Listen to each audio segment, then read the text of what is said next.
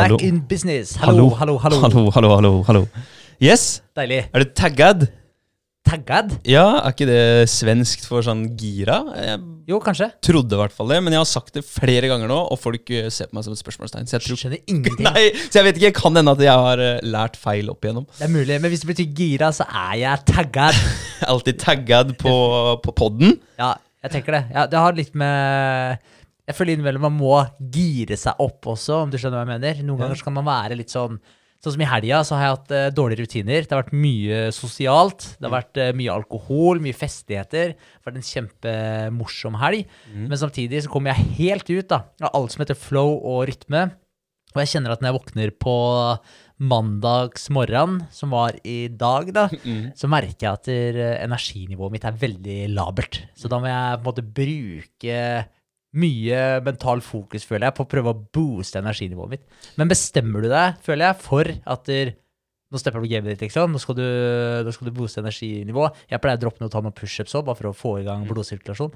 Og da kjenner jeg at det hjelper veldig. Det hjelper masse. Jeg kjenner meg igjen ikke nødvendigvis på at jeg har vært så redusert av helga, men bare det å starte uka etter en litt eh, ja, vanskelig natt, liksom, i forhold til søvn, og at man, man er på, på en ny uke og mangler kanskje litt restitusjon, har litt vondt enkelte steder, da må man jobbe, man må jobbe litt mentalt for å, for å sette seg i rett gir. da, For å gire seg litt opp, som du sa, og bli tagged. da. Mm. Og det, vi kommer til å, å snakke litt om det i, i dagens pod også. Det må egentlig justere seg litt. For det må man gjøre når man, eh, når man skal selge inn et budskap eller få noen til å gjøre som man vil, så må man faktisk eh, justere litt på, på seg sjøl for å kanskje klare å mm, tilpasse seg sitt eh, audiens og få vilja si. Det skal vi snakke om litt etterpå. Men eh, før det eh, så er det noe annet du har lyst til å ta opp som eh, Vi har jo en mann manko her. Ja, vi, har en, vi er en mann short. En mann short, ja. Det kalles dårlig planlegging. Men uh, sånn er det noen ganger. Vi, vi planla egentlig veldig bra, alle sammen, og Ja. satt her og var uh, enige om uh, alle taka. Men så bomma vi litt, Ja. og, og sånt skjer innimellom. Så vi havna dessverre da på ettermiddagsuka til Vegard. Så i stedet for å drøye det her med en hel uke og komme helt ut av rytmen, så ja, kjører vi på, da. Kjører vi duo? Ja. Det er kult. det er kult. Og, og vi savner jo Vegard allerede. Jeg, jeg sa det før vi begynte òg, at dere, når jeg har lyst til å dele noe, så har jeg lyst til å dele det med hele poden. Mm. men eh, jeg fikk delt det med halve, eller en tredjedel av poden, da. Så det funka, funka bra, det også. Eh, I dagens eh, episode eh, så tenkte jeg jeg skulle snakke litt om eh, salg. Eh, hvorfor det? Fordi eh, det, er- ikke sikkert eh, eh, alle lytterne våre vet det, men noen kanskje så skal, eh, skal jeg selge litt eh, igjen. Og du, Henrik, selger jo egentlig noe, du også. Um, egentlig alle mennesker selger eh, store deler av tida si, selv om man kanskje ikke har lyst til å erkjenne det. Og det er litt det jeg skal snakke om, fordi salg kan egentlig du, du får litt sånn bismak i munnen uh, når noen sier at de er en selger, eller når man snakker om selgere. Det er sånn uh, er stigmatisert på et eller annet vis. At man, det er sånn eh, litt sånn sårt å, å få det stempelet selger på seg. Du, du ser for deg en fyr som enten ringer og plager deg, eller så ser du for deg en som banker på døra di, som om, som du overhodet ikke vil ha på døra di. Mm. Det er det man uh, umiddelbart tenker når man hører en selger. Ultratradisjonelt så var det jo det Ja. uh, fra før av. Vi så på økonomien uh, før i tiden som de som produserer og de som kon konsumerer. Det var liksom Så enkelt var det.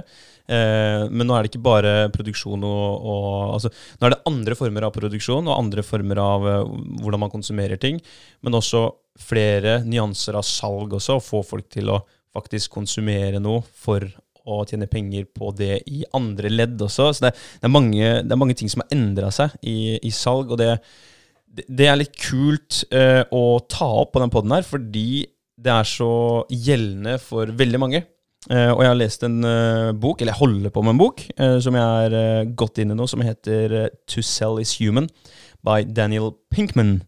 Og, og hans um, si, hovedbudskap i den boka er at alle uh, har en eller annen form for salg i seg, eller alle, uansett profesjon, og egentlig uansett rolle du har i hverdagen, så har du noe med, med en eller annen type salg å gjøre. Og viktigheten av å se på hva som har skjedd med salg over tid. Da. At vi nettopp har gått litt bort fra den der tradisjonelle door-to-door-selgeren, som kom og plaga folk med store kofferter, masse vareprøver og skulle få deg til å kjøpe både det ene og det andre, og helst det tredje.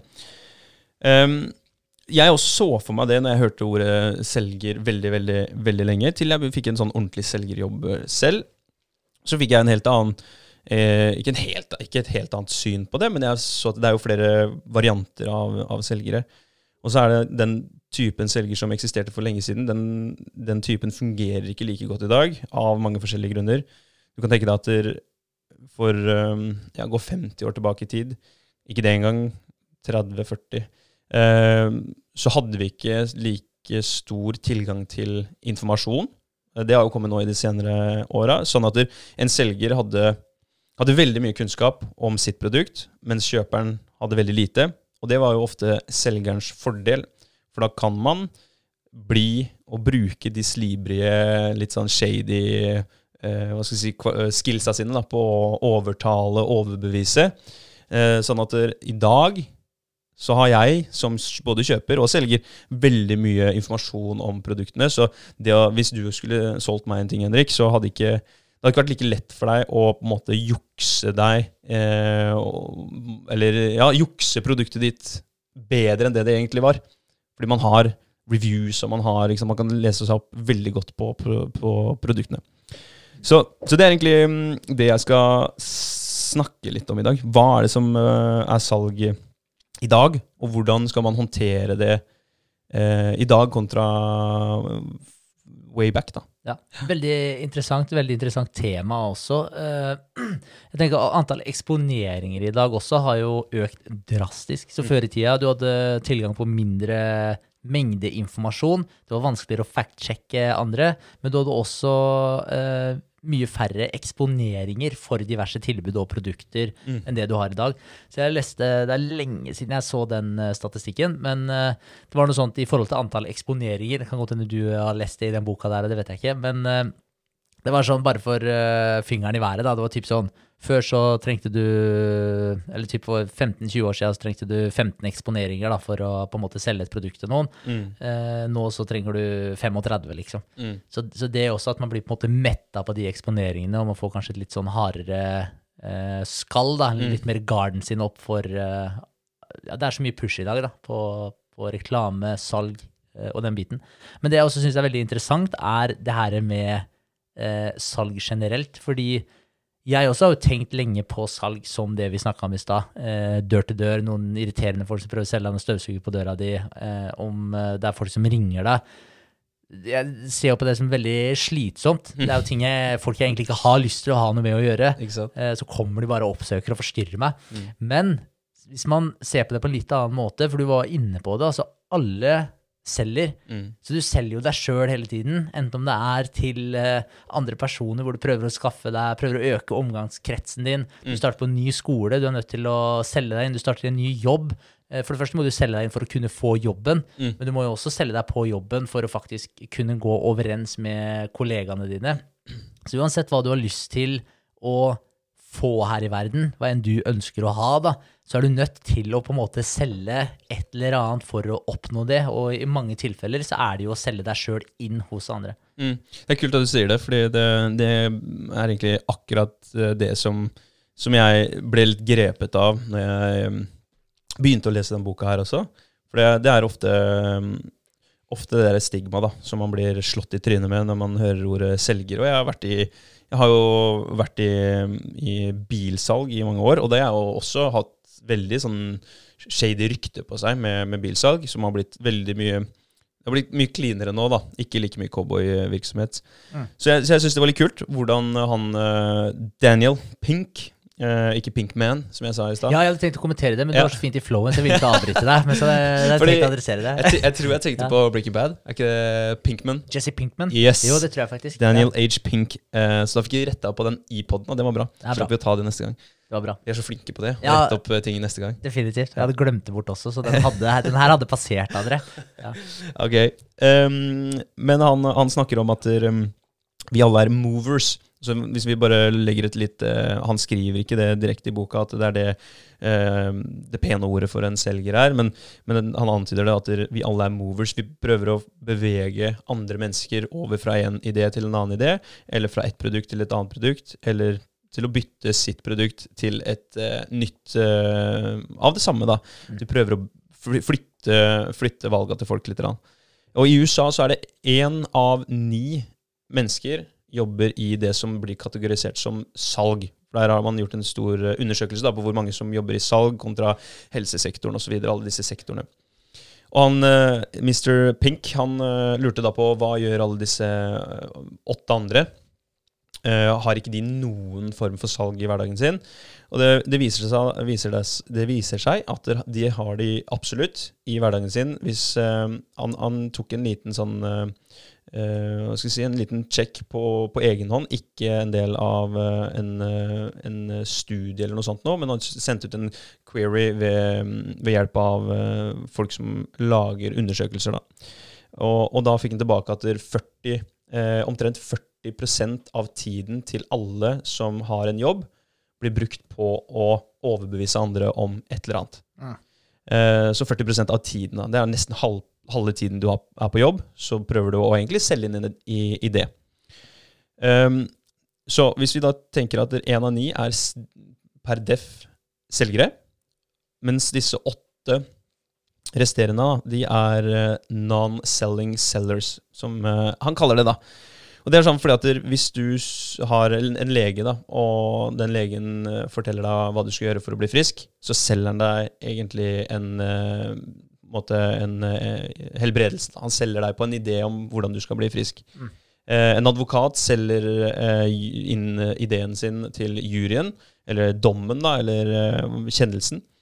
Eh, det er jo innenfor ulike profesjoner. Sykepleieren selger inn eh, til pasienten at han skal ta en eller annen form for medisin, skal vaske seg. altså Det er mange, mange eksempler. Hjemme, da, hvis du går utenfor profesjon, så har du da du som, eh, som eier av en katt, du prøver å selge inn mange, mange ideer til eh, katten din om å høre på deg. Det er ikke alltid det funker. Det er litt vanskelig. Det er litt vanskelig. Jeg har fått ut det. altså, folk som har, eh, har barn, selger inn ideer om å kanskje rydde opp hjemme. da. Mm. Så du selger alltid en eller annen uh, idé, i hvert fall. Om det ikke er et produkt, så selger du uh, en visjon, eller du selger Du prøver i hvert fall å overbevise. Du bruker egentlig salgsskills da, på å få vilja di, og kanskje da hjelpe de du selger til. Og det er en veldig viktig del av det å selge også, at du har en eller annen form for hjelp inni der. At Mm. det, du har en eller annen positiv eh, vinkling. Jeg er så enig i akkurat det der i forhold til Hvis du ser på det som at der, Hvis du skal selge et produkt som du ikke tror på, eller som du ikke tror er bra for de du selger det til, Mm. så er du jo en eh, For det første en dårlig person. men så kan det hende at du må gjøre det her for å fø familien din og whatever, da. Men, men det er jo en eh, Det er jo veldig kjipt å måtte selge noe som du faktisk ikke tror at den andre At benefitter den andre. Mm. Det er jo en eh, Ja, jeg hva skal jeg si, Det er ikke akkurat en beundringsverdig greie, men ofte så kan man jo finne ting å selge, og man kan se på okay, men hva er det her faktisk kan bidra til å hjelpe den jeg selger det til. Sånn som du når du solgte biler, Mm. så kan jo du, du kan jo velge å tenke at der, eh, ok, nå prøver jeg å selge den dyreste bilen jeg kan til de folka her, kanskje litt dyrere enn det de egentlig trenger. Mm. Eller så kan du tenke ok, hvilken bil er det som vil serve best den familien her, eller den mannen eller den dama her, Mm. eh, eller førstegangsbilen til en 18-åring.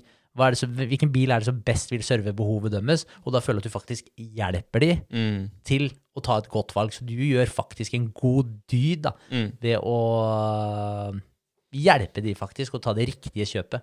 Ja, og det er vel sikkert eh, der det store skillet er mellom disse mm, Ja, de vi kjenner til fra, fra både filmer og sånt, noe som blir karakterisert som, som selgere, da, og alltid i en eller annen sånn form for negativ vinkling.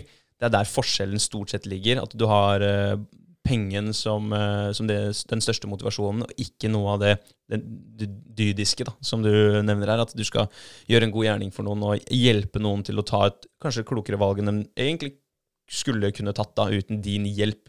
Mm. Og det er jo det som er, eh, er litt uh, interessant nå, når vi ser at det, det, det, skjer så mye i verden, at du har så mange produkter å velge mellom, og du har, har så mye informasjon. sånn at den, de dydene som du snakker om, de blir bare egentlig mer og mer viktig. Du, du må være ærlig, du må skape tillit, du må eh, faktisk prøve å hjelpe noen, for ellers så kommer det til å Eh, skinne gjennom til slutt. Mm. Og, og, du vil i hvert fall ikke, ikke, skape noen relasjon som fører til resalg. Og, og, og det vil ikke bli en, en god historie da, å fortelle videre heller, når uh, noen har kjøpt et produkt av deg som de følte kanskje egentlig at, ikke at de trengte. Det er kanskje det verste følelsen jeg sitter igjen med. hvis jeg har kjøpt en eller annen, ja, betalt 1000 kroner da, for en eller annen ekstra forsikring som bare Den trenger jeg jo egentlig ikke. Og når kommer jeg til å bruke den?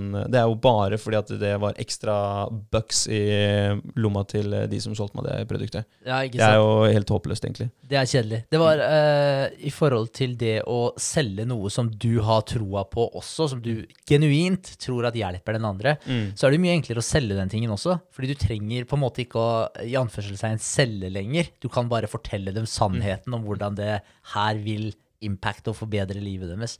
Så jeg tenker det også må jo være et viktig aspekt i forhold til det å få deg sjøl til å jeg, tenker, jeg, snakker ikke om å lure deg sjøl, men å sette deg i den mindseten mm. hvor det er sånn hvordan, altså Drit i produktet, da. Hvordan mm. kan det her faktisk hjelpe den personen jeg prøver å selge det her til?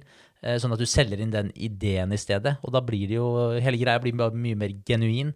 Og så slipper du å passe på også de fallgruvene, da. Fordi hvis du på en måte skripter inn salget ditt, mm. så kan du fort eh, Med en gang du kommer på utsida av skriptet, så blir du usikker. Du kan gå i noen fallgruver. Du kan glemme bort eh, informasjon, du kan si noe feil. Det, det, blir nesten på lik linje som det å lyve.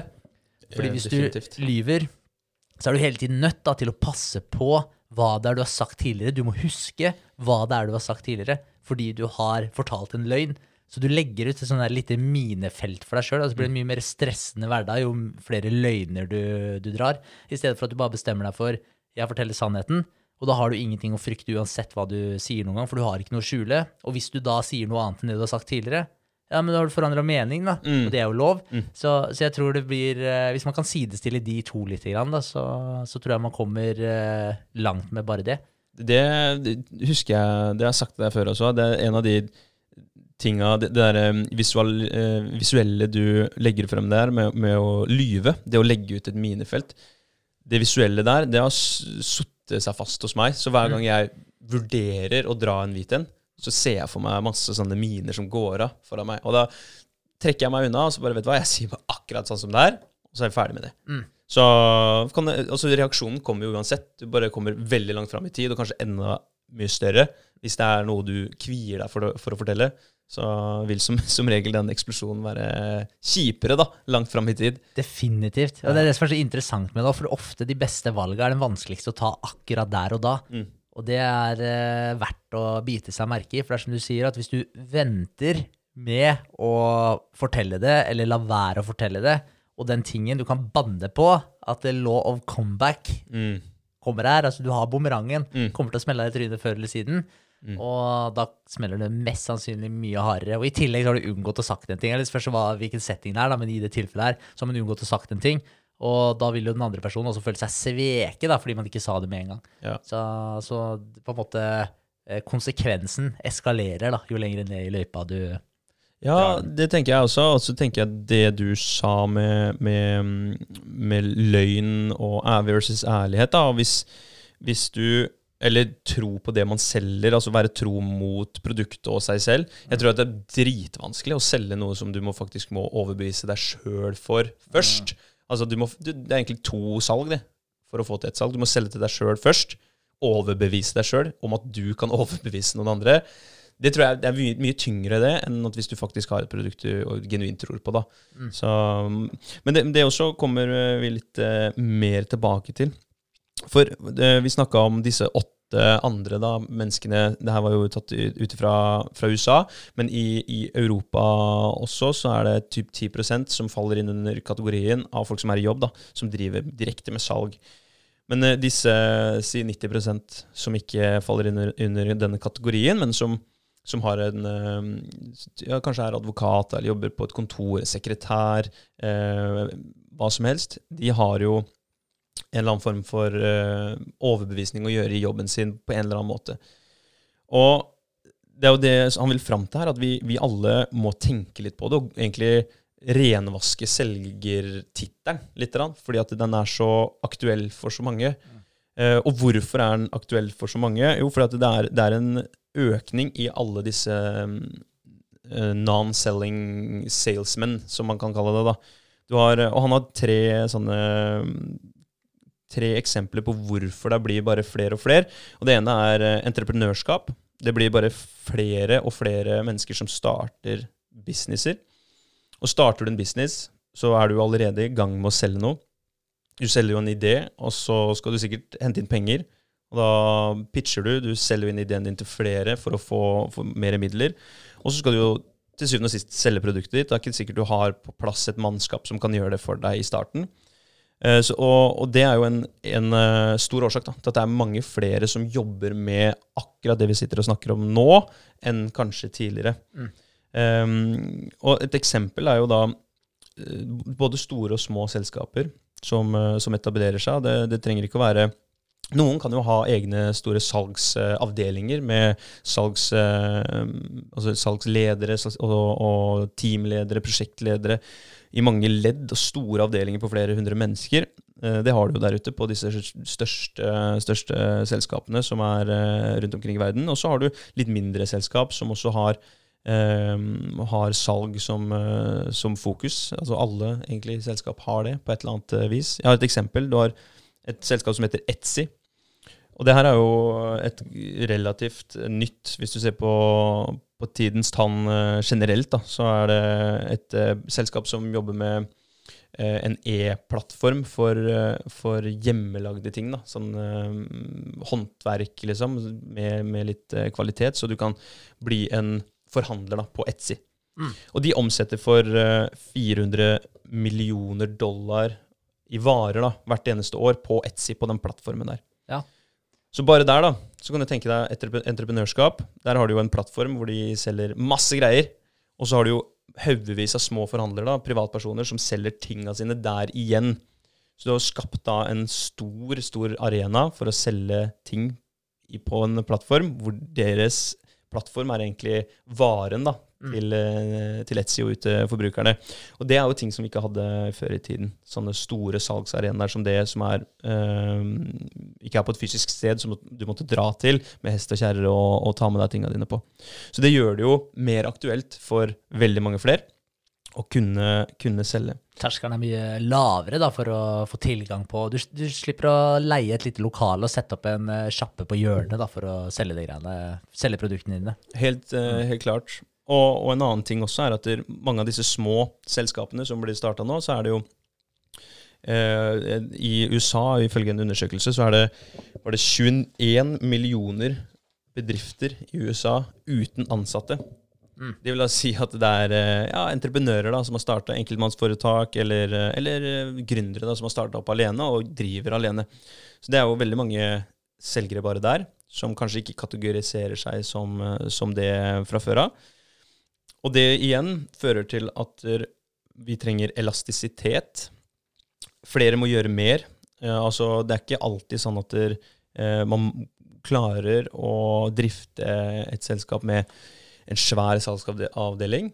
Uh, hvis man er et, et, lite selskap i oppstartsfasen, så må man gjøre litt av hvert. Så selv om du kanskje er, er software engineer da, eller koder, eller hva det måtte være, så kan det hende at jobben din er å kode, men også selge inn da, det du koder, til flere folk. Så, så, det jeg egentlig sier her, da, det er at der, den boka her er så superaktuell, og det temaet her med å selge er så superaktuell for veldig mange. Selv om du ikke per definisjon da, kaller deg selv en, eh, en selger, da. Mm. Um, en annen, en annen um, gren, eller hva skal jeg si, en annen sektor som, uh, som, er under stor utvikling, det er jo helse og utdanning. EdMed kaller han det i boka si. Og Det handler også om å flytte, flytte på folk. Flytte de fra uh, sykehus til sykehus, uh, forhåpentligvis ut av sykehuset etter hvert. Uh, og overbevise folk om å gjøre ting for helsen sin for å bli bedre. Og Det er den største jobbsektoren i USA. Så det er veldig mange mennesker som kan dra nytte av å bli bedre til å selge inn ideer til, eh, til andre mennesker. Og det er, det det å påvirke, eh, overbevise og gi andre de verktøyene som trengs for å oppnå noe, da, Mm. som er uh, hovedbudskapet her. For det er jo det, det er viktig at det er en verdi i andre enden. At de ser nytte av det man prøver å, å selge. Så det her er altså da hvorfor salg og hvordan salg egentlig har forandra seg, og hvor, hvorfor det er mer aktuelt for veldig mange flere enn det det kanskje var før i tiden. Ja, jeg kan legge på enda en hvorfor da faktisk folk burde genuint interessere seg for hvordan de kan bli en bedre selger, eller i hvert fall få et bevisst eh, forhold til det som du er inne på, da. At man selger faktisk i mange aspekter av livet sitt uten at man tenker på det som direkte som salg. Men se for deg nå framover i tida hvor eh, roboter tar over mer og mer. Nå begynner jo AI-plattformer å spre seg for fullt. Eh, ChatGPT, altså det er jo det er jo latterlig hva du kan bruke det Den er jo overloada nå, har jeg sett. Jeg kommer meg ikke inn, jeg. For det står at det er, eh, Ja. det er, eh, Kapasiteten. Er er ja. sprengt. Det er ofte, ofte sånn nå. Men den Jeg har eksperimentert mye med ChatGPT og prøvd liksom å finne ut eh, hvordan jeg kan bruke det verktøyet her på en best mulig måte. I hvert fall nå som det fortsatt er gratis. Eh, og for de som ikke vet det, da, så er den uh, siden den heter vel open.ai eller et eller annet sånt, tror jeg. Uh, hvis man googler ChatGPT, så kommer man vel inn på det. Du kan bare lage deg en bruker med, med mailen din, og så er det egentlig bare en chat. Det ser ut som en, nesten en sånn kundeservice-greie som du går inn på, på hvis du er på en nettside og de har en sånn automatisk eh, robot som prater med deg. Samme greia. Mm. Og du kan seriøst du kan spørre henne om hva som helst. Du kan lære deg hva som helst ved å sitte og chatte med den der eh, saken der. Den kan oversette ting for deg. Du kan få den til å skrive ut eh, kode på forskjellige kodespråk. Du kan få den til å skripte Excel-ark for deg. Altså, du, du kan få den til å gjøre hva du vil, da, bare du lærer deg å kommunisere med den på en, eh, på en effektiv måte. Mm. Så, og den her blir jo også integrert i flere og flere eh, hva skal jeg si, flere og flere programmer, flere og flere jobber også, hvor de kan programmere inn den saken her. Altså de kan jo bare lisensiere den saken her, integrere det i sin uh, software, og så kan den ta over Bare den her da, kan ta over jobben til helt sinnssykt mange mennesker. Eh, og den gjør det på et blunk. Og så har du jo, når det kommer til eh, transportyrket også, selvkjørende lastebiler f.eks. Det er jo sånn en lastebil i dag, Du kan velge da, å ha en eh, selvkjørende lastebil som du kan uh, ha avskrivninger på i x antall år, som gir deg skattefordeler. Eller så kan du investere i lønna til en person, som du må betale for uh, sykefravær, uh, forsikringer og ja, what not, da. Pluss at du må høre på jævla mye meninger og klaging, da.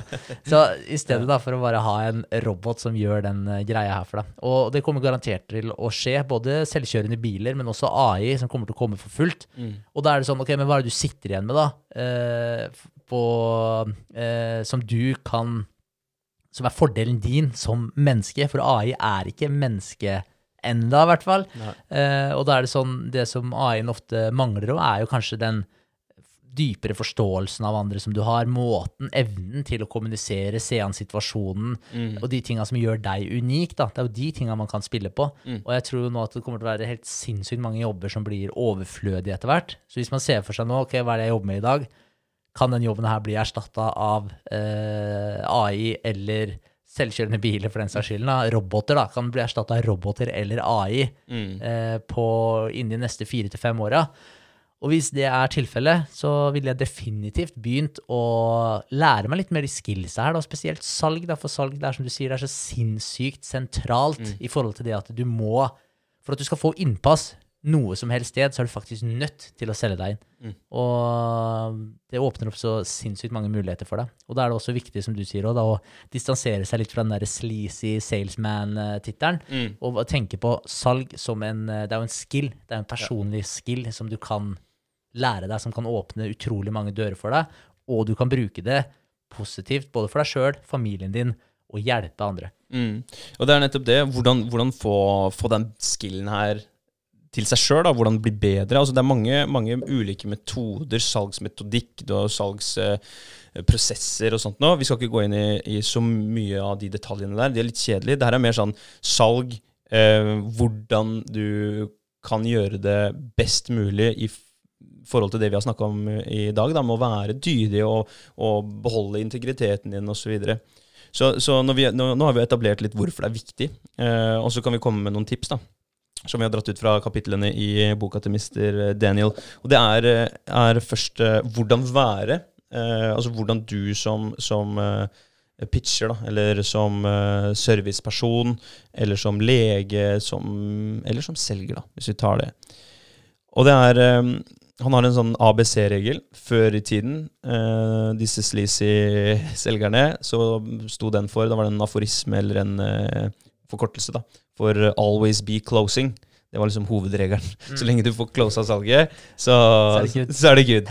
Eh, nå, nå har han eh, lagd den her eh, litt annerledes. Nå står den for attunement, Beyoncé eh, det er jeg ikke helt sikker på om det var riktig Buoyancy. Buoyancy, ja. Ja. Det er oppdrift, liksom holde seg flytende. Ja, jeg tror det er sånn. Jeg, jeg, ja, det er ikke det ordet jeg bruker mest Nei, heller. så Jeg skal ikke Jeg ser for meg en, eh, en, en sånn eh, hvalross når jeg når jeg hører det ordet. Jeg, bare, jeg tror jeg har sett Er det hvalrosser som fiser for å, holde, for å få oppdrift? Nei, er det sant? Jeg tror det. Jeg tror det er enten Nei, sånn manatees. Hva, hva heter det igjen? Er det sjøløve? Ja, kanskje. Sjø... Ja. Nei, sjøku er det. Sjøku, ja. Sjøku. Ja, ja. Det gir mening at den fiser. Ja. Manatees, sjøku, den fiser for å holde seg flytende. Nå vet dere det, folkens. Fantastisk energieffektivitet. Ja, faktisk. Det er fossilt brens, eh, brensel, er det ikke det? Jo, jo. uh, yes, A, B, uh, og så er det clarity helt uh, til slutt. Vi begynner med A. Og da, Det var derfor vi kom, skulle komme litt tilbake til det i stad. For du nevnte at du måtte egentlig liksom justere deg litt opp eh, hvis du hadde hatt en litt eh, van, Ikke vanskelig, men litt sånn helg som bøy på litt utfordringer med tanke på, på kosthold og, og hele pakka. Og det er jo attunement.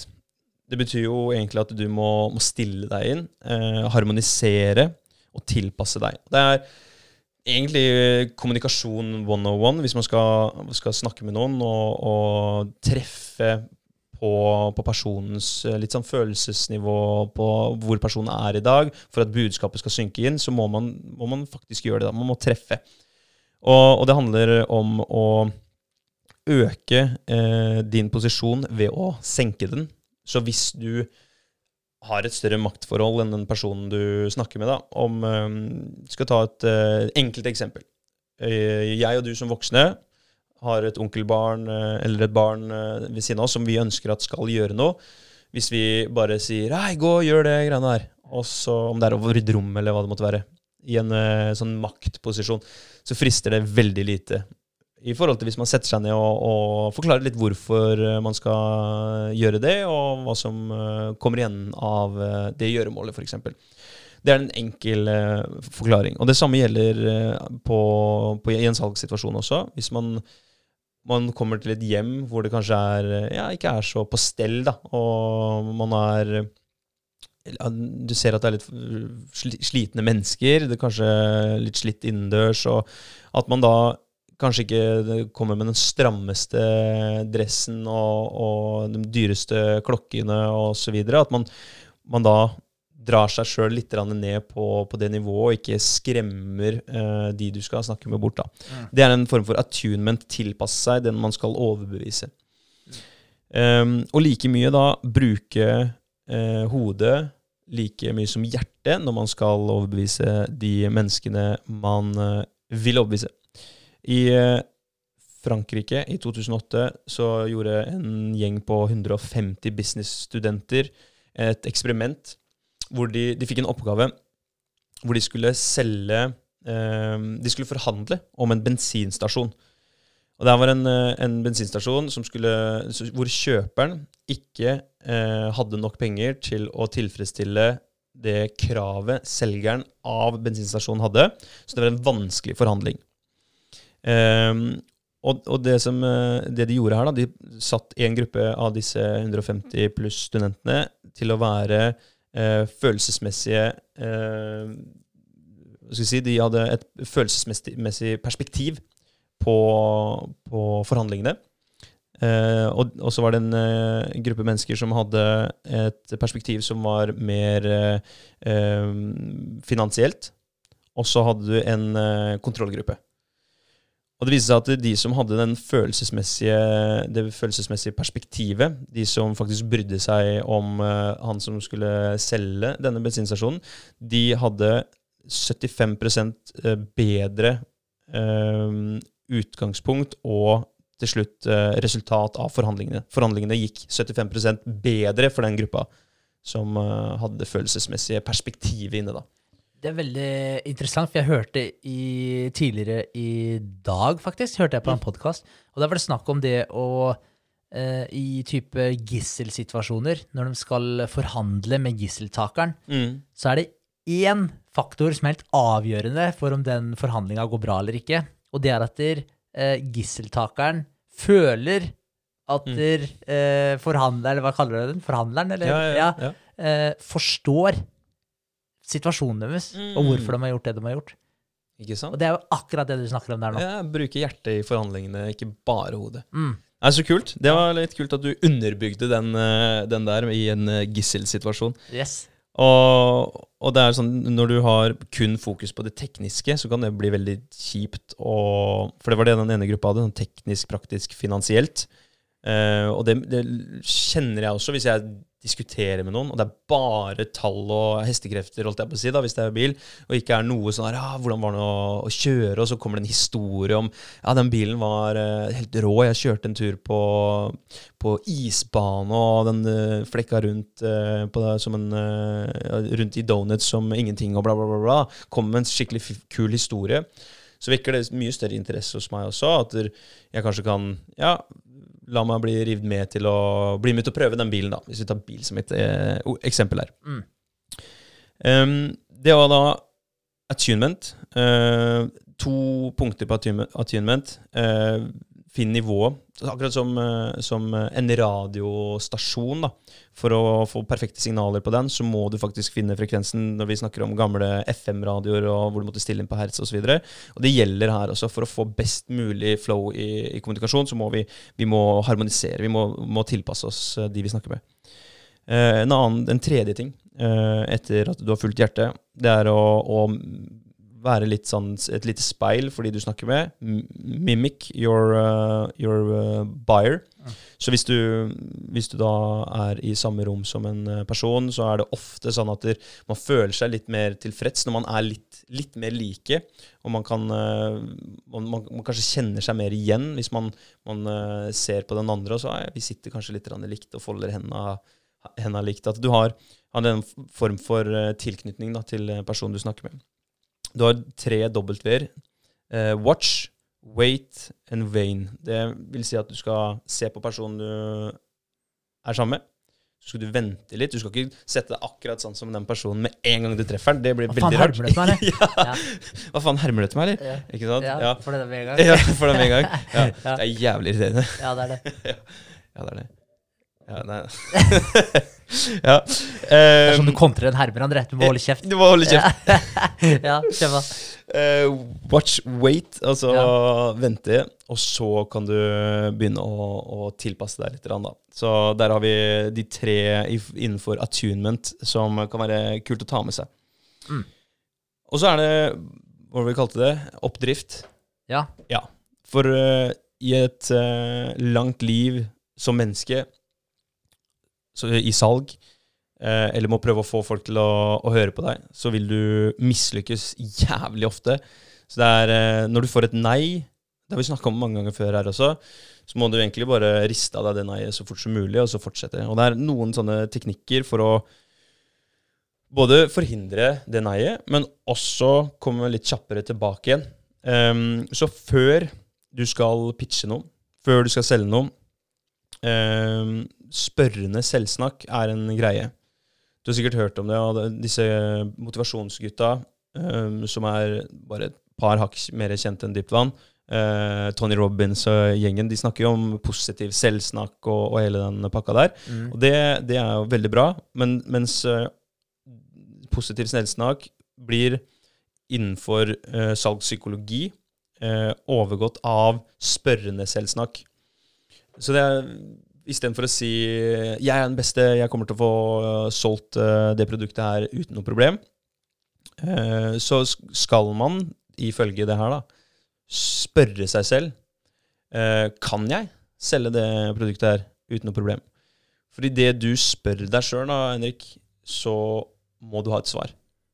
Da må du svare på det spørsmålet. Mens hvis du bare sier det til deg sjøl, så, så har du ikke deg et svar på et spørsmål. Det er bare et utsagn. da. Så det skal visst ha en sterkere psykologisk effekt. da. Før du skal inn og gjøre et, eh, en, forhandling, så skal du ha en spørrende self-talk with yourself. Mm. Har du gjort det noen gang? Uh, jeg vet ikke om jeg har vært sånn veldig bevisst på det, nei. Jeg, jeg tror ikke det. Jeg er mer sånn eh, Jeg har vært mer sånn bare Go! Ja, Ja. forsterke ting uh, for meg sjøl. Uh, mer sånn positive affirmations. Mm. Men uh, jeg ser jo definitivt nytten da, av å stille de spørsmåla og svare på dem. Mm. Uh, for uh, Kjipt hvis du svarer nei, da.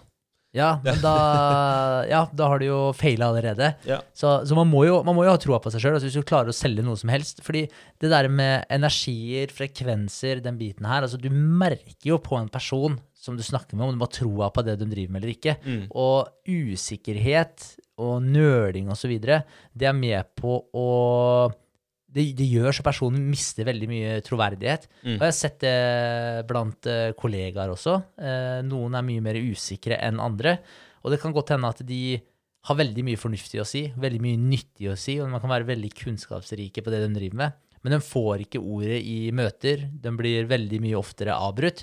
Og, og de stiller de sier, Selv om de kan være den i rommet som har best greie på det de prater om, så sier de det med et lite spørsmålstegn til slutt, med den usikkerheten, og da mister det veldig mye av den eh, kredibiliteten. Mm. Så jeg tror jo måten du prater til deg sjøl på Så hvis du stiller deg sånn spørsmål, da, så må du jo også overbevise deg sjøl, men du må jo ha svara på det i tillegg. Så det blir jo ikke bare en sånn positiv affirmations, det blir jo også at du faktisk spør deg sjøl om et legit spørsmål, og så bekrefter du for deg sjøl at jeg har faktisk svaret på det her, og det her er årsaken til at jeg kan gjøre det. Så du er jo med å booste selvtilliten og selvfølelsen din bare ved å stille det spørsmålet. Ja, og så tror jeg at eh, hvis, hvis du får et nei, da, så får du også bekrefta hva du må jobbe med. Altså, hva, hva skal til for at jeg klarer å selge det produkt, produktet her? Mm. Ja, ok, men da må jeg jobbe med det, og så kan du spørre deg sjøl igjen eh, etter at du har jobba med det, og så får du et ja, og da, er det jo, da har du bevist for deg sjøl, da. Ja, Og der klarer jeg faktisk å selge.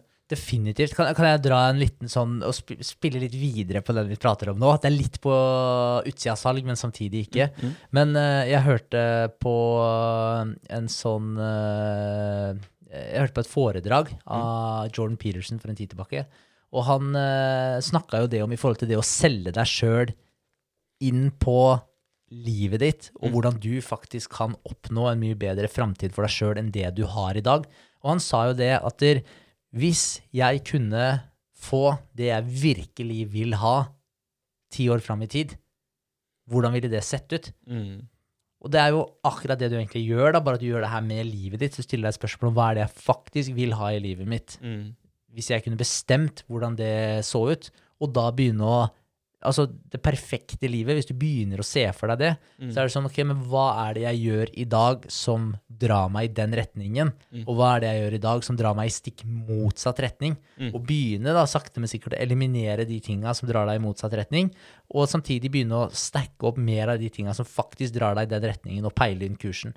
Og etter hvert som tida går, hvis du er bevisst på det her, og du spør deg sjøl om det her For det spør jeg meg sjøl om ofte, bare så det er sagt. Så jeg spør, jeg spør meg faktisk om sånne type spørsmål, da. Ja. Men ikke hvis jeg skal inn i en salgssituasjon og er sånn eh, Kan jeg selge det her? Mm. Eh, ikke så konkret, men jeg har spurt meg sjøl om veldig mye det når det kommer til å designe det framtidige livet mitt. Mm. Sånn at, og, og det vil jo forandre seg. ikke sant? Etter hvert som tida går, så vil du kanskje finne ut nei, det var kanskje ikke helt det jeg ville ha, men du er på en måte på vei mot, da. Eh, hvis du ser på det som grader da, i en sirkel, liksom, så er du kanskje 15 grader off, da kanskje 20 grader off til å begynne med, og så får du tuna inn den, så kanskje du er eh, går 30 grader til venstre, og så er du 10 grader off, eh, men at du på en måte hele tiden får peila deg inn mot den riktige kursen. Mm. Så når du har spurt deg sjøl om det spørsmålet her gjentatte ganger over eh, mange år, samtidig som du hele tiden driver og tuner inn vanene dine og har et bevisst forhold til det du driver med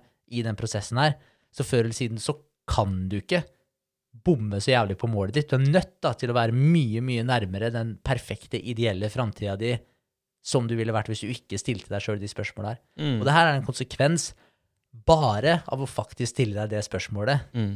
Men igjen, stiller du deg det spørsmålet, så er du nødt til å deale med konsekvensen av det òg. Mm. Og da er vi tilbake til den dommeren igjen. da. Mm. For da setter du ut et mål.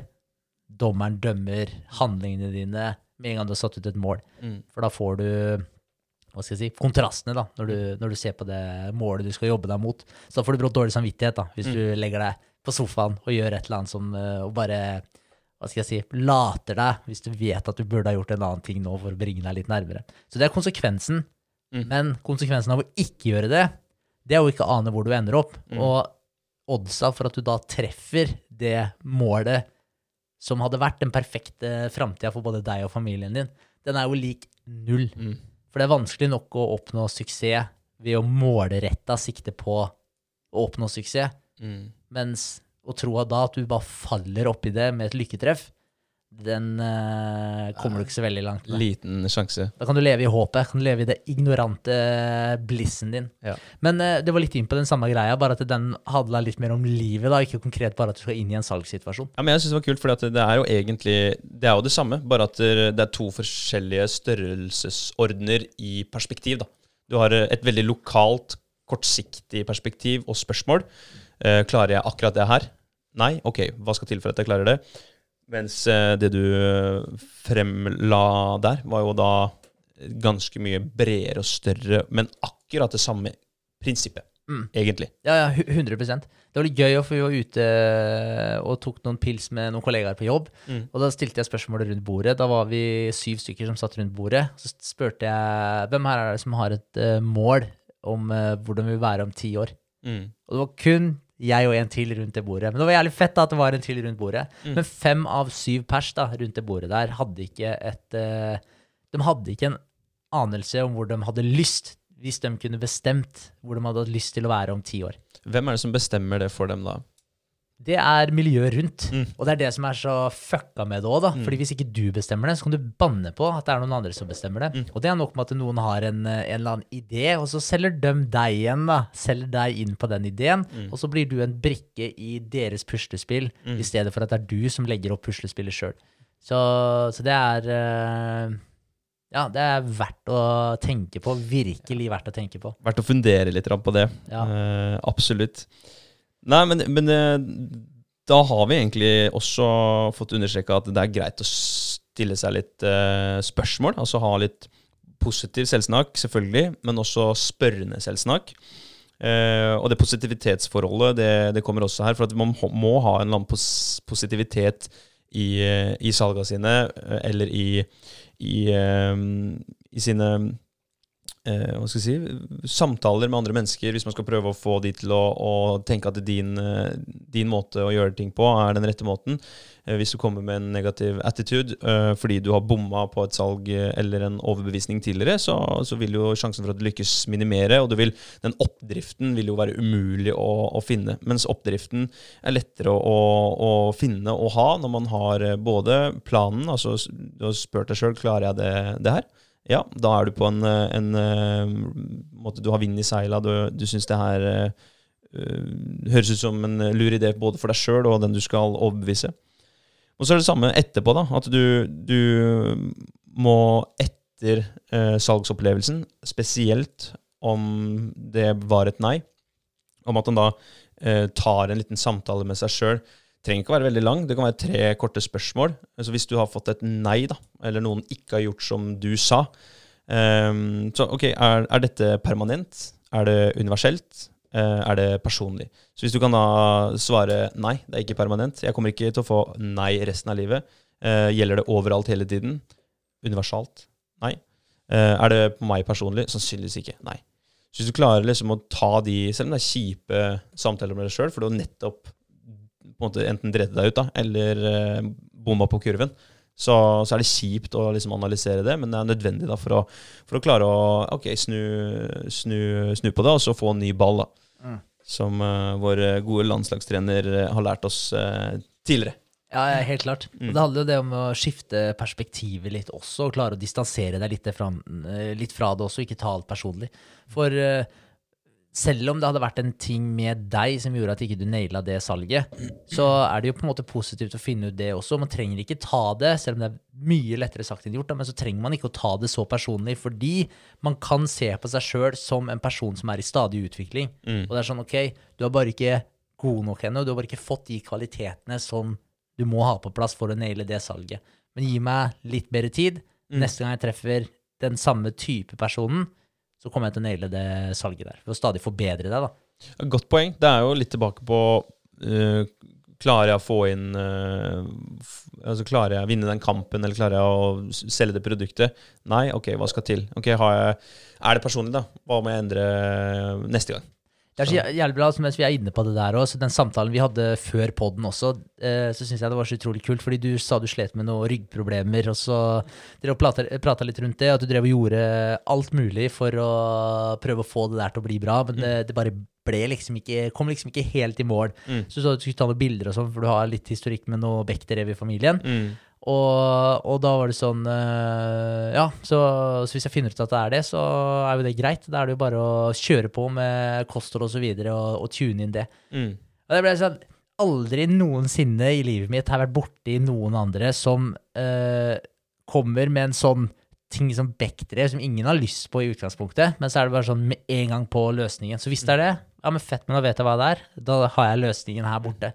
Og det var så dritkult, da, for jeg tror ikke bare 99 av 100, men jeg tror 99,9% ville gått i kjelleren og vært sånn fy faen, tenk om jeg har Bechdrev, da er liksom uh, alt krise med en gang. Da venter man på medisinene, kanskje? Det er Yes. liksom ofte det man venter på. Man går til legen, og så må de egentlig fikse problemet, istedenfor at du begynner å, å finne ut av det litt sjøl. Mm. Ja, ja. Så jeg bare syns det var uh, utrolig bra. Og det, og det der er jo en eh, Det der kommer jo som en følge da, av at du hele tiden er løsningsorientert, istedenfor å grave deg ned i problemene og se eh, alt som er imot deg, og ta offerrollen Mm. i den situasjonen der. Så er det bare sånn rett på løsningen, og jeg nailer det. Det går bra. Og det tror jeg jo. Altså Hvis du hadde fått den uh, diagnosen med Bechdrev, 100% sikker på at du hadde tuna inn kostholdet, så hadde du naila den uansett. Det er flere eksempler på folk som allerede har gjort det også. Mm. Så det, er, så det hadde gått helt fint. Men det Kult, er- men jeg tror, jeg tror det er gjentagende samtaler om, om sånne type ting. Da. At man har samtaler om uh, offerrollen, at man har samtaler med, om uh, at hvis ting går til helvete, hvis man feiler, hva skal man gjøre da? Hvis man uh, møter veggen, hvis man Altså ha samtale, samtaler om det, og diskutere det med noen. Det tror jeg er veldig, veldig viktig. Jeg tror, tror ikke jeg hadde vært uh, rett på, på det hvis ikke, hvis ikke vi hadde vært flinke til å snakke om det her, da, og, og hjemme, blant annet. At man, man eh, ja, ikke, ja, Det er lett å bare falle ned i offerkjelleren, som du sier. Gå, Mm. gå rett ned dit, og så bare vente på at noen andre skal løse problemet. Men det blir som, som du sa i stad, da. Hvis du Da legger du egentlig skjebnen i noen andres hender. Mm. Og ofte, hvis man da bare gjør det, ligger og flyter eh, ned i elva, liksom, så ender du jo ikke opp akkurat der du vil, eh, vil være. Nei, og så er det jo Hvor trist er ikke det, liksom? At det er noen andre der ute som skal bestemme skjebnen din. Ja. Det er jo, for meg er det jo ingenting som er verre enn det. Jeg er jo Jeg, jeg tror jo at vi kan påvirke livet vårt mye mer enn uh, kanskje mange andre tror. Mm. Men uh, hvis man tar saken i egne hender. Så, så jeg tenker at det er en mye mer positiv, mye mer motiverende måte å tenke på. Eh, Det at det er faktisk du har kontroll over livet ditt, og ikke gi den kontrollen til noen andre. Da. Jeg bryr meg ikke om det er noen i hvit frakk. Jeg sier ikke ikke hør på dem. Herregud, ta inn inputen, men kanskje få input fra et par-tre til. Og les deg opp på ting sjøl, og så danner du deg en mening ut fra det. Ikke bare dra til en person, og, eller samme om det er en lege, og ta meninga deres for god fisk med en gang. Det er bare folk som jobber der også. Mm. Ja, det er, er og det er mange eksempler på folk som har fått en second opinion, som måtte basically fjerne organer. Mm. Og så har han fått en second opinion, og så er det bare sånn Nei, nei, Det burde du ikke gjort. nei bare gjør det her, og så kommer det her til å være bra om tre uker. Ja. Det er det mange eksempler på, så for guds skyld, eh, prøv å søke litt info sjøl. Men det er jo mye mer mektig eh, Det er et mye mer mektig utgangspunkt, da, hvis du tenker at der, jeg har ansvaret. Alt ansvaret er på meg. Ja, det krever mye mer av deg. Det er jo mye lettere å være i offer, offerrollen, offerrollen, for da, da har du ikke ansvar for noen ting. Men hvis du tar på deg den, og bærer den eh, byrden da, som det er, å ta på deg det ansvaret, så kommer du til å ja, føle deg mye bedre i, eh, når du kommer ut på andre sida. Jeg tror, det, jeg tror det egentlig er veldig innafor, det vi har snakka om nå, i forhold til eh, Beyoncé. Uh, oppdrift.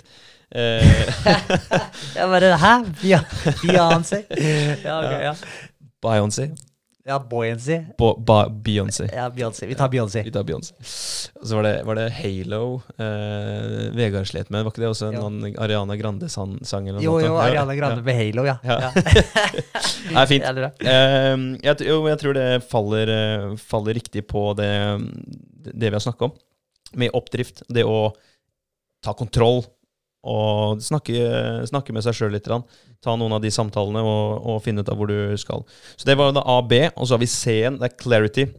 Eh, eh, Klarhet det trenger, eh, trenger vi i egentlig mye av det vi gjør, men spesielt hvis man skal drive med, med overbevisning. Fordi folk liker egentlig ikke å ikke vite hvorfor de gjør en ting. De vil ha en, en god plan og en mening bak, bak hva de skal gjøre. da. Så, så hvilke problemer løser du? Har du en gameplan? Det skal være klart for både deg og de du hjelper. da. En, et godt eksempel, en, go, en, eh, en god strategi Hvis du, hvis du skal uh, selge til deg sjøl at, at du skulle støvsuga huset i dag, og så utsetter du det Eller hvis du spør noen da, som skulle støvsuga huset sitt i, dag, så har du en sånn skala som du kan sette fra én til ti. Hvor lyst har du til å få gjort det i dag?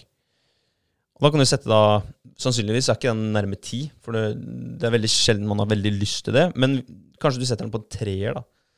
Ok, men da vet vi da at du har litt mer lyst enn en-to nedi her. Så det er en eller, annen, en eller annen motivasjon der som man kan bygge videre på.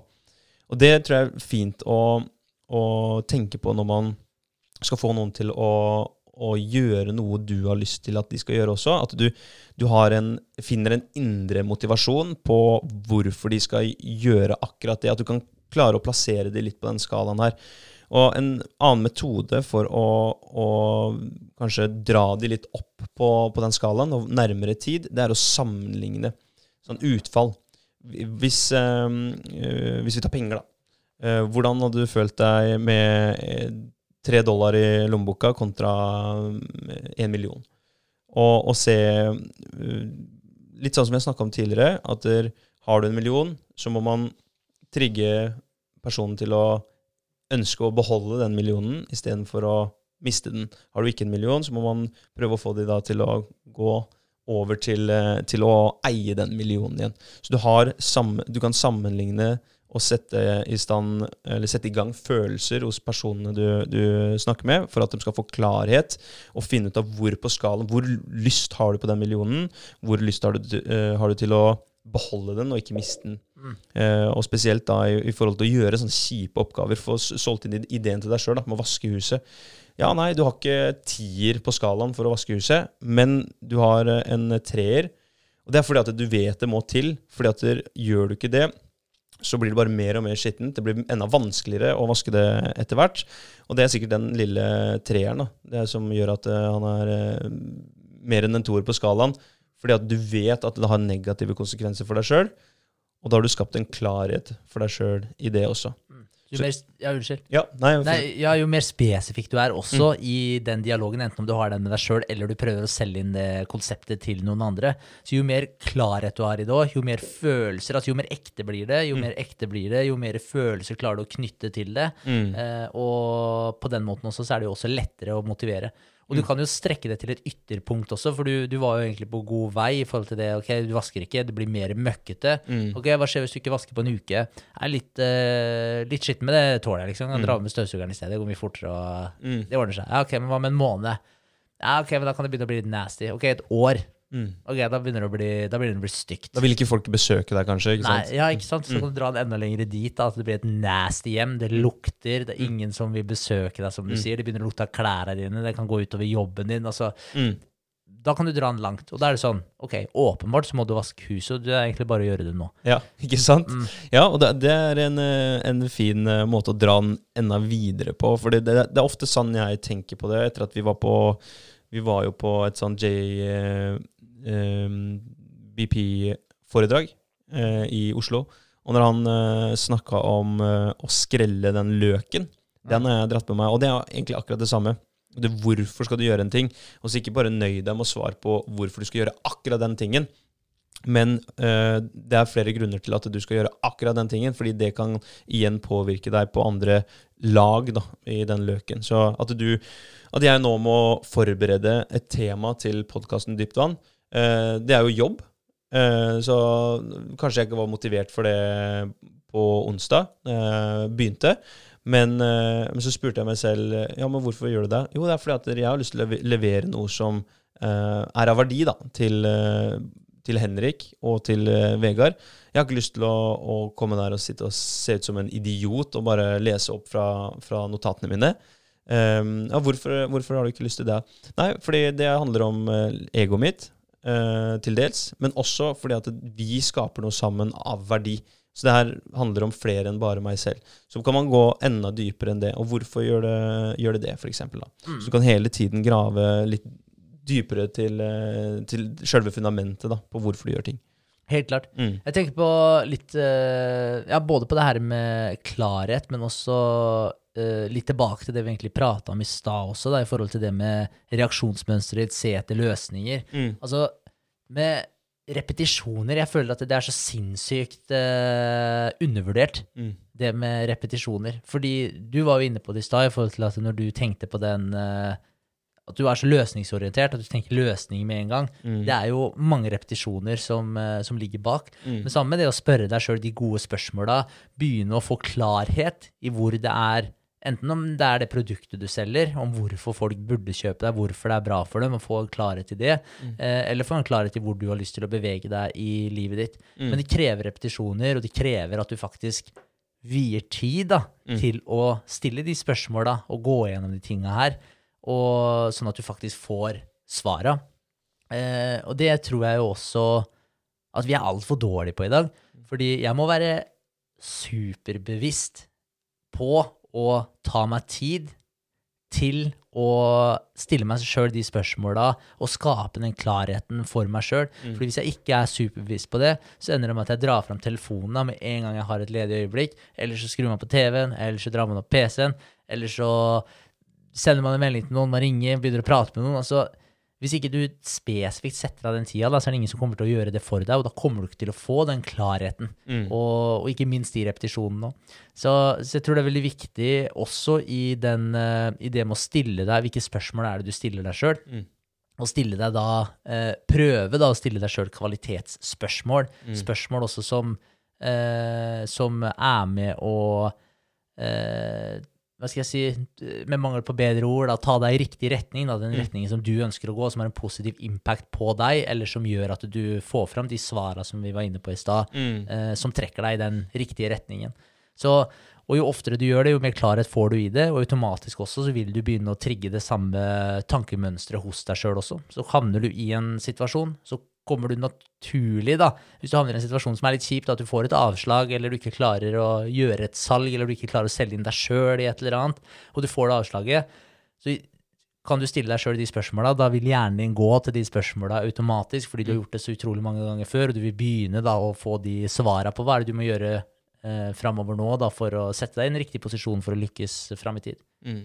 Repetisjoner, det tror jeg er, eh, også er nøkkelen. Eh, salg eller ikke salg. Mm. Livet, helse. Det er jo nettopp det, det vi snakker om med tanke på, på vaner og rutiner. Det er jo det er sånn du danner vaner og rutiner. Det er med repetisjoner. Og det er jo sånn du, du sørger for at ting glir best mulig uten stor friksjon. Og det er jo friksjon når du ser at telefonen din lyser opp. Det er friksjon når uh, noen ringer deg. Det er friksjon når uh, det rumler i magen fordi at du, uh, du har spist crap. Så du, du, holder deg ikke mett lenge, f.eks. Det er friksjon. Mm. Så hvis du gjør ting riktig om igjen og om igjen og om igjen, så sementerer du et mønster i hjernen din om at det er sånn det fungerer. Så trenger du egentlig ikke å bruke energi på å vurdere om du skal gjøre det ene eller det andre. Mm. Det, er, det er repetisjoner. Skytfett uh, Tony Robins han uh, hørte jeg på tidligere i dag mm. uh, på en podkast, og han sa jo det at han, han diskuterer ikke med seg sjøl. Mm. Så han tar jo et iskaldt bad hver eneste dag. Mm. og han og det er bare sånn, han bare gjør det. Mm. Han, for hvis han bestemmer seg for å gjøre en ting, så bare gjør han det. Han, han sitter aldri da og diskuterer fram og tilbake. Han har aldri den indre diskusjonen med seg sjøl. Så når det, er, når det, kommer til det isbadet, så, så, er det bare en greie han gjør. Hver eneste morgen så gjør han det. Han har liksom meditasjonsritualet som han gjør, og så, den, eh, og så tar han det isbadet. Mm. Og så pleier han å ringe noen og legge inn en uh, beskjed på svareren deres og gir dem et kompliment. Mm. Og, og, det, og det, sier, det, er ikke sånn bare sånn ah, 'du er kul'. Det er et sånn genuint mm. kompliment til den personen. Det var sånn uh, ja, forrige torsdag så, så, la jeg merke til at du gikk bort og gjorde den gesten til den personen etter møtet. Jeg vil bare si at jeg syns det var en uh, utrolig fin greie som jeg la merke til. Så fortsett sånn. Mm. Så, det, så, det, er et genuint personlig kompliment til deg. Mm. Så de tre tinga der, da, det gjør han hver eneste morgen, da, uansett. Og det han sier, da, at når han gjør de greiene her, så er det sånn Det trigger igjen de repetisjonene, da. Mm. Så, så, det er ting Han sier jeg har jo ikke lyst til å ta det kalde badet. Det er jo ikke noe som man brenner for å ta et sånt iskaldt bad, men det er for å uh, trigge den selvdisiplinen da, og, og, skape de banene i hjernen. Sånn at neste gang det er en ting som man egentlig ikke har så lyst til å gjøre, men har bestemt seg for å gjøre det, mm. så de, han diskuterer ikke. Den, den, stemmen er borte hos han. Mm. Og det er ganske fascinerende. Ja, det er kult. Mm. Da snakker vi autonomt. Da går det bare sånn Det er ment til å gå. Han har lagt opp eh, egentlig livet sitt for suksess, da. Ja, definitivt. Og oddsen er ganske motsatt av det vi snakka om i stad, hvor man endte opp eh, ja, i bånn av elva, da, fordi at du bare ble dratt nedover elva der. Mm. Og det som er så kult, er jo når du vet da, hvordan hjernen din fungerer, og hvordan du kan skape det autonome mønsteret så kan du begynne å trigge det også, mm. selv om det er kjempevanskelig i starten, fordi da har du jo holdt på på autopilot uh, hele livet ditt omtrent. Mm. Uh, så det er jo veldig tungt å starte med det, å starte med nye vaner, jo lengre vekk fra den uh, Kall det den Jeg vil ikke bruke ordet egentlig den sanne jeg, men den du er fram til det punktet, da. Den mm. du på en måte har vært fram til det punktet. For jeg er jo hellig overbevist om at du kan bli mer eller mindre, sier det litt sånn tongue in cheek, altså du kan bli mer eller mindre den du vil. Mm. Så hvis du starter å trigge de, de mønstra, så vil du forandre deg. Du har selvfølgelig en basis da, som blir veldig vanskelig å forandre på, men du kan forandre på veldig mye. Den der eh, sagt før, og den dummeste kommentaren jeg vet om, er sånn ah, men det er bare sånn jeg er. Mm. Det er en jævlig tett kommentar. Men greit, når du vet da hvordan uh, kroppen din fungerer, du vet hvordan uh, du bygger de her banene og skaper altså Kroppen din ønsker å automatisere alt. Det er stress for kroppen din å drive og tenke, da, analysere og bruke masse tid og energi på å bestemme deg for hvilket valg du skal ta. Så spesielt hvis du tar det valget hver dag, så vil kroppen din automatisk begynne å si ok, men det her kjenner vi igjen. Det er det mønsteret. Så når den tingen skjer, da skal vi gjøre det her. Så etter hvert så går det fra bevisstheten din til underbevisstheten din, hvor du bruker mye mindre energi på å utføre de handlingene her. Så når du vet hvordan hjernen din fungerer, så, så, kan du begynne å ta de valga, da, og begynne å bare forme deg til å faktisk bli mm. den personen som du ønsker å bli. Så når du setter deg på do, det første du gjør uh, hver morgen, og drar fra telefonen og sitter der et kvarter hver eneste morgen, så er det bare sånn det er sånn du er, da. Det er, det er sånn du har skapt deg sjøl til å være. Det sånn, eh, men, det, men det, er noe, det, er ikke sånn at du aldri kan reversere ting. Det er bare at veien blir jo mye tyngre jo lenger man holder på med en ting. Det er sånn som Har du snusa i ti år, så er det verre å slutte å snuse enn hvis du har snusa i ett år. Det er akkurat det der. Ja, så, så enkelt egentlig, men vanskelig. Ja, absolutt. Absolutt. Og ja, så, Men altså Jeg tror det er først når man på en måte våkner opp for den Jeg vil kalle det den sannheten der, når man først skjønner det og har lyst, da. Mm. Det skal jo sies òg, som sagt. Det, en, det, enkleste der og da, men det er litt som å ljuge òg. Det enkleste der og da er å lyve. Det ja. enkleste der og da er å ikke ta de eh, valga som du kanskje vet sånn innerst inne at du burde ta. Eh, det er jo det enkleste der og da. Men det lange, i det lange løpet så er det beste å holde deg til sannheten selv om det er vanskelig der og da, så er det det beste i det lange løpet. Og selv om det er det vanskeligste der og da, å ta de valga som du egentlig ikke vil, velge bort eh, sukkerkline, velge noe god, hel, sunn mat i stedet for det, eh, velge å ta den treningsøkta, velge å stå på det tidspunktet som du har sagt at du skal stå på, velge å sette deg og få inn den økta med å forberede pod-temaet ditt, sånn at du kan levere mm. eh, et godt tema, da, og faktisk være med å inspirere og lære andre ting velge å ta de som, valgene som er tunge der og da, men som gagner deg langt fram i tid. Mm. Så mm. Kult. Ja. Jeg er enig. Altså, vi, må, vi, må, ta de repetisjonene som, eh, som, vi har lyst til å ta for å bli bedre. Men da krever det faktisk disse litt tyngre spørsmåla som eh, du nevnte tidligere i stad. Hvor, hvor, vil jeg være da om, om ti år? Hvis du ikke har lyst til å være noe bedre enn det du er i dag, så fortsett på autopiloten din, eller fortsett på, på de vanene og rutinene du har i dag. Hvis, hvis det er målet ditt. Mm. Men hvis du ikke er, bevisst på målet ditt, så bør du gjøre deg selv bevisst på det. da. Helt klart. Og vit da, at det er Mm. mulig. At hvis man har den drømmen, da, at det er et eller annet man har lyst til å jobbe mot, så vit i hvert fall at det, hvis man faktisk starter å jobbe mot det, om det er å bli vest, verdens beste selger, for den saks skyld, Mm. så, så vit at hvis man faktisk jobber mot det Det er ikke sikkert du når målet ditt 100% men du kan banne på at du er ekstremt mye nærmere om x antall år enn det du ville vært hvis du ikke satte deg det målet fore.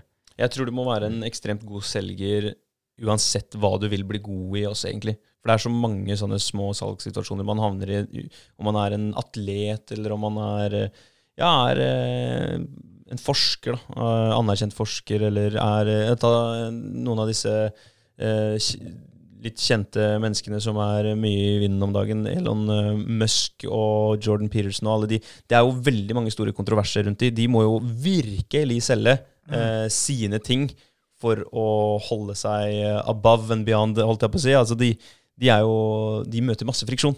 Så de må jo jobbe knallhardt. da. Så jeg, jeg er overbevist om at du, enten om du skal faktisk være en selger og få noen til å, å velge ditt produkt foran et annet sitt produkt, eh, jeg, jeg tror det er viktig uansett Eller jeg vet det er viktig uansett. Mm. Så nå har vi sagt litt sånn um, ABC, hvordan man skal være da, eh, for å takle salgsprosessene, eller overbevisningsprosessene, best mulig. Og så er det ting man kan gjøre. Og det er jo pitche, improvisere uh, og levere, yteservice. Det er når du har funnet ut hvordan du kan være som selger, hvordan du kan håndtere den nye eh, salgsøkonomien, salgshverdagen, da, som er nå, kontra det har vært eh, det, det har vært tidligere, hvor det har vært mye sånn dør til dør og litt sånn innpåslitsom eh, selging.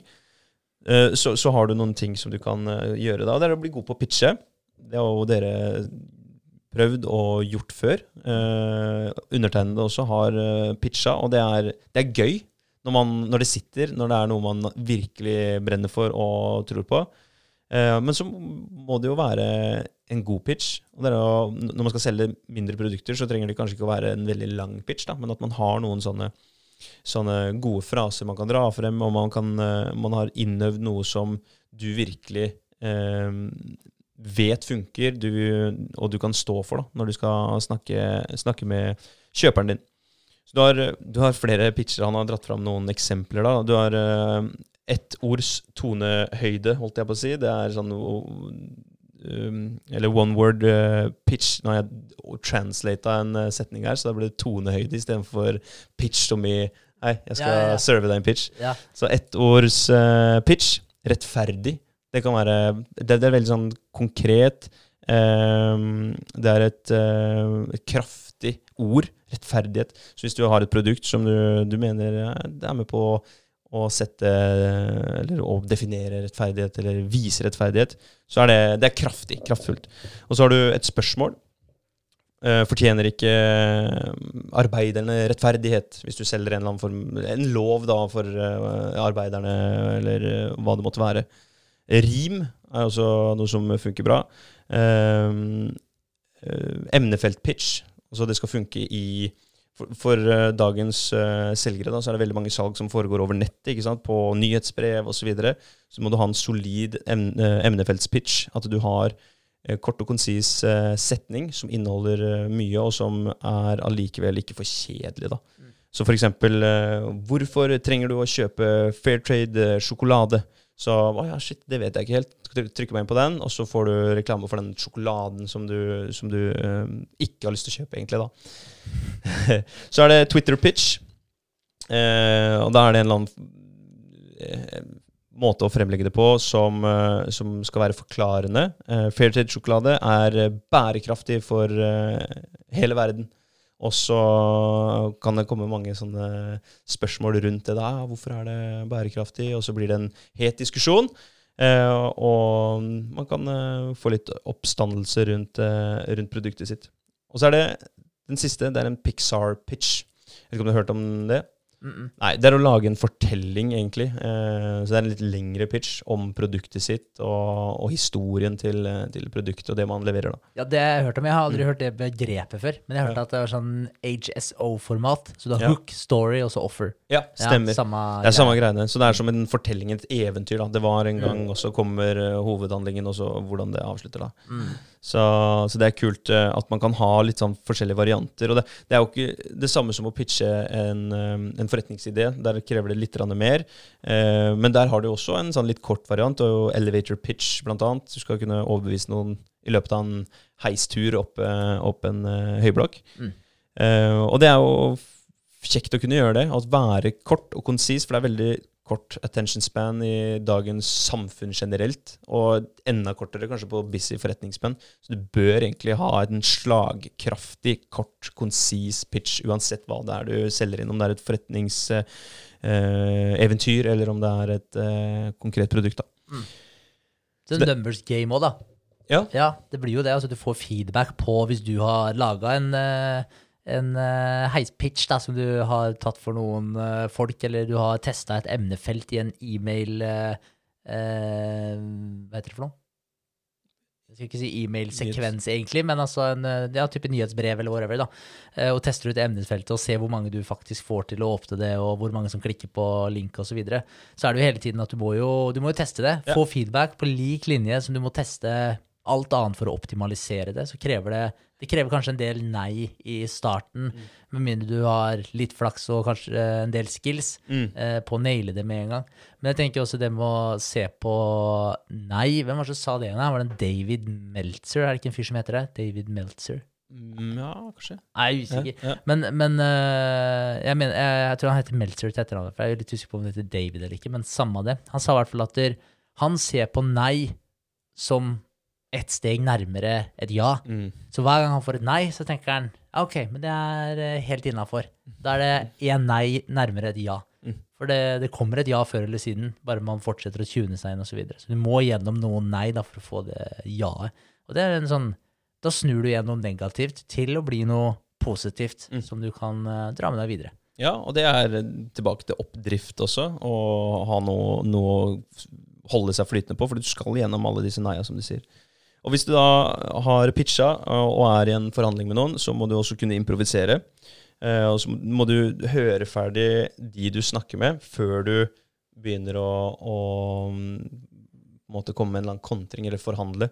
Og gjerne, når de er ferdig med å snakke, vente 15 sekunder, altså ha litt sånn dødtid eh, imellom, sånn at du, du, er helt sikker på at de har fått summa seg, og at du har fått summa deg litt, og det du, neste du velger å si, er av verdi, da, sånn at du ikke mister de helt.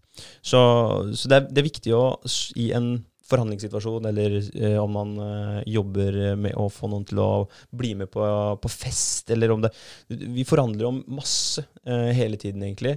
Um, noen spør kanskje noen om eh, ah, Kan ikke du legge ut en eh, story fra, fra nivå eller fra dypt vann eller om, eh, om det her og det her? Men, Nei, jeg kan ikke det akkurat nå. Ja, men vi trenger at du gjør det nå. Så det er, det er en, Da prøver du å selge inn at noen andre skal gjøre noe for deg. da. Og da, og da er det faktisk sånn at du må eh, la folk få lov til å, å komme med en kontra og høre, høre de ut. Det er litt sånn som vi snakka om i forhold til eh, Hva heter han eh, oh, How to Win Friends and Influence eh, Ja.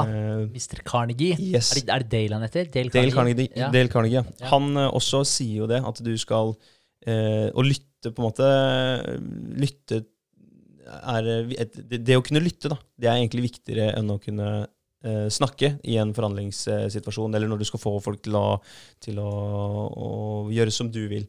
Det å være en god, aktiv lytter. Mm. Så Det er det det, det dreier seg om her, da, på å improvisere. At du må tilpasse deg situasjonen. Du må også la folk få lov til å, å komme med en kontra. Og så er det å få, få partneren din, eller den du samarbeider med, eller den du skal mm, hjelpe eller selge til, få de til å se bra ut. At de føler seg bra. Du har eh, positivitet og prøver å ha minst mulig nei, minst mulig ikke, men at du, du har en god følelse i, i rommet. Helt til, eh, til slutt Uh, pitch, improviser, service. Så nå har vi liksom fått eh, hva, hvordan være. altså Hvordan skal vi tenke på det? Du skal tune deg inn, du skal holde deg eh, oppe, eh, selv om det blir masse nei og mye motgang. Du skal ha klarhet for deg sjøl og de du, eh, de du jobber med. Så skal du gjøre x antall ting. Du skal være flink til å pitche. Du skal kunne improvisere, men du skal også til syvende og sist være av service. Så det du gjør, da, er å legge bort den gamle omega-3, eh, dør-til-dør, støvsugerselgeren eh,